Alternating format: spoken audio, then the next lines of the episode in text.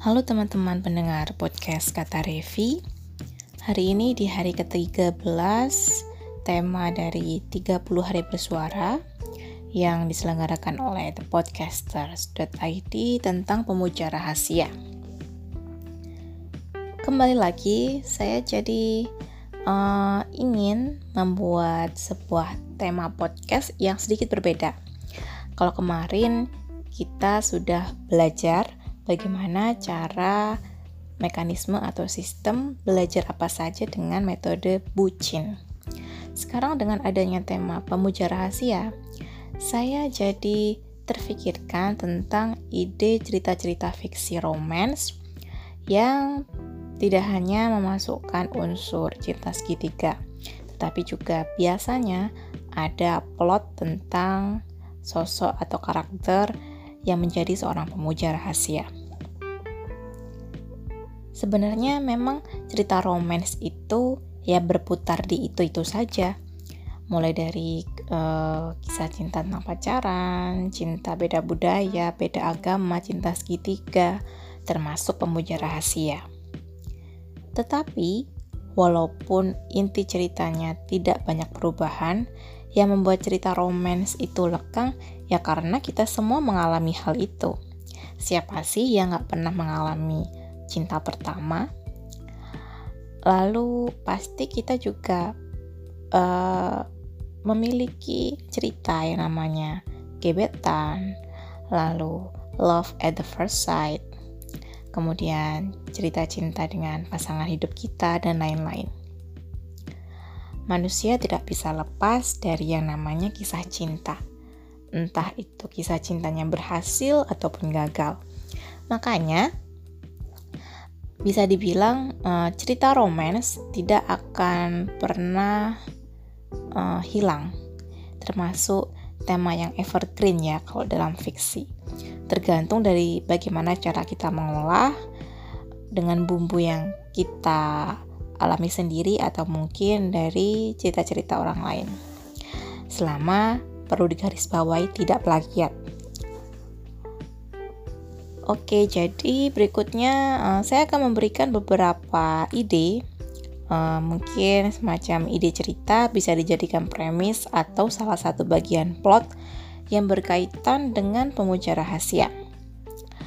Yang pertama adalah jangan membuat si pemuja rahasia itu tidak ada progres dalam usaha mencintai atau mengagumi. Jadi begini, misalnya ada seorang karakter yang uh, kalian buat sebagai seorang pemuja rahasia. Pastinya namanya pemuja rahasia, dia mencintai diam-diam kan. Entah dia suka memberikan hadiah diam-diam atau hanya menyimpan perasaannya dalam hati tanpa pernah mengucapkan pada orang yang disukai. Tetapi berikan perkembangan pada si karakter ini selama dia menyukai atau mencintai orang lain. Contohnya begini, misalnya ada sese uh, ada seorang perempuan usianya 16 tahun, dia menyukai uh, menyukai teman sekelasnya, ya, dia menyukai teman sekelasnya. Tetapi karena si teman sekelasnya ini sangat pintar, uh, ganteng, keren dan populer, si cewek ini minder karena itu dia hanya menyimpan rapat-rapat perasaannya sendiri. Kalau kita ingin membuat cerita yang menarik, ya uh, coba berikan semacam hasrat atau motivasi pada si tokoh ini agar dia berkembang. Jadi karena si cewek ini melihat uh, gebetannya itu adalah orang yang pintar, contohnya mungkin kita bisa memberikan perkembangan semacam si cewek ini yang awalnya malas mulai belajar. Lalu ketika si cewek ini ingin berkembang, ternyata ada banyak hal yang tidak cocok buat dirinya. Meskipun hal itu ada di gebetannya. Jadi uh, kita buat ada semacam perkembangan atau dinamika dari karakter yang menjadi pemuja rahasia ini. Jadi tidak hanya dia memandang dari kejauhan, tapi tidak ada uh, semacam pergerakan atau irama dari si tokoh ini. Dia memang dia tidak tidak menyampaikan perasaannya, tetapi harus ada sesuatu yang membuat si tokoh pemuja rahasia ini punya tujuan yang ingin dicapai. Itulah uh, cara membentuk karakter yang kuat, walaupun dia seorang pemuja rahasia.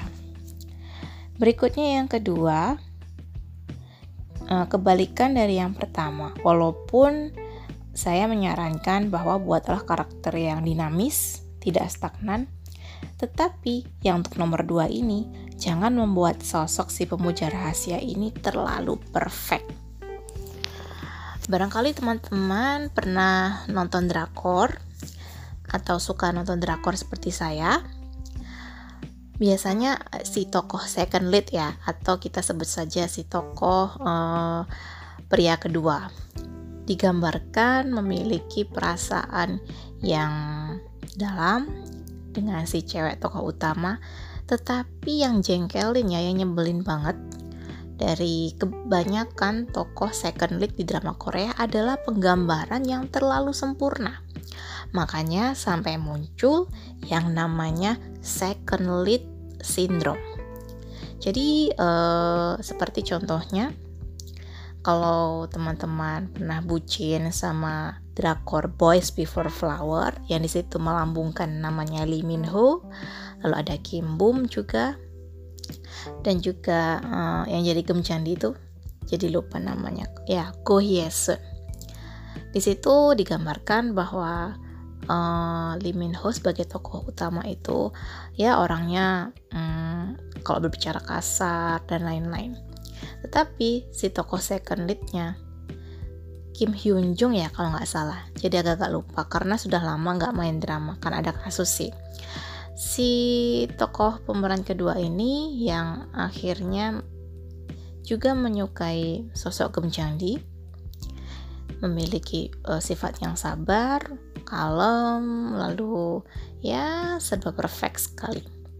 Tapi ya itu pergerakannya tidak tidak terlalu kentara. Kadang-kadang si tokoh second lead syndrome ini saking sempurnanya dia merasa takut untuk mengutarakan perasaan pada si perempuan. Jadi dia menjadi sosok sahabat yang siap sedia untuk menjadi tempat curhat. Tapi, tetapi ya itu tidak ada uh, sedikit uh, kegelisahan untuk menyampaikan perasaan.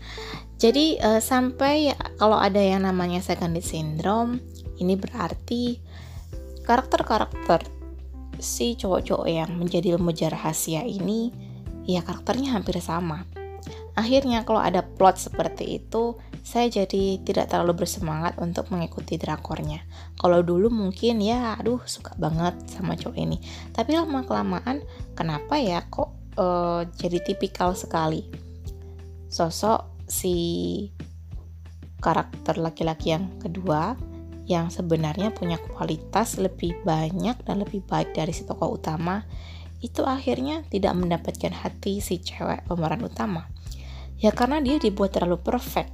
Kadang-kadang kalau di kehidupan nyata sosok seperti ini tuh sulit ditemukan, ya kan? Ya namanya kalau kita, kalau terutama sosok uh, seorang pria yang memiliki kesempatan banyak untuk menyukai perempuan, ya setidaknya adalah sedikit usaha untuk menunjukkan perhatian atau mungkin menunjukkan kecemburuan. Jangan dibuat terlalu sempurna gitu loh pokoknya intinya. Jadi buatlah si uh, tokoh muja rahasia ini jika dia punya kesempatan untuk dekat dengan pujaan hatinya barangkali ada sedikit friksi ada sisi egois dari mereka. Jadi cerita itu akan terlihat lebih menarik si sosok pemuja rahasia ini juga punya kekurangan seperti tokoh laki-laki utama itu contohnya. Tapi sebenarnya sih ini bisa diterapkan untuk semua karakter ya. Jadi setiap karakter fiksi yang kita buat sebaiknya mereka juga punya kekurangan. Seperti layaknya manusia biasa.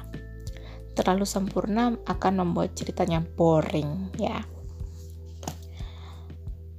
Uh, lalu yang ketiga jika temanya, tema utama pemuja rahasia ini menjadi tema cerita, tidak hanya menjadi salah satu karakter tokoh, coba untuk memberikan sedikit nuansa dengan menyampur genre lain. Jadi misalnya romance, lalu ditambahkan fantasi.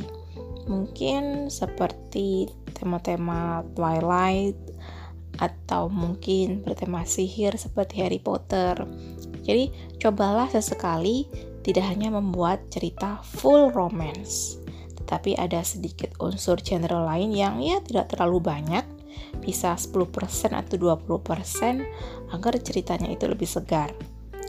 Saya juga sebelum-sebelumnya selalu bercerita tentang romance, tapi saya juga suka fantasi. Jadi sekali-sekali saya juga mencoba untuk menulis um, menyampur genre seperti itu. Jadi eh, teman-teman bisa mencoba. Inilah uh, tiga cara yang bisa teman-teman coba bagaimana untuk membuat uh, ide cerita dengan unsur pemuja rahasia, baik untuk karakter tokoh atau mungkin untuk tema utama cerita fiksi yang akan kalian buat mungkin ada beberapa hal yang tidak sesuai dengan kalian, ya nggak apa-apa. Siapa tahu dengan mendengarkan podcast hari ini, teman-teman jadi punya semacam gambaran atau mungkin ya tambahan uh, ide baru untuk untuk lebih menyegarkan cerita kalian. Sekian podcast kata Revi hari ini. Jika kalian ingin ada saran atau mungkin kritik untuk podcast ini, teman-teman bisa mengirimkan voice message di aplikasi Anchor atau kirimkan DM ke Instagram kata underscore revi K-A-T-A underscore R-E-F-F-I. Sampai jumpa di podcast kata Revi berikutnya.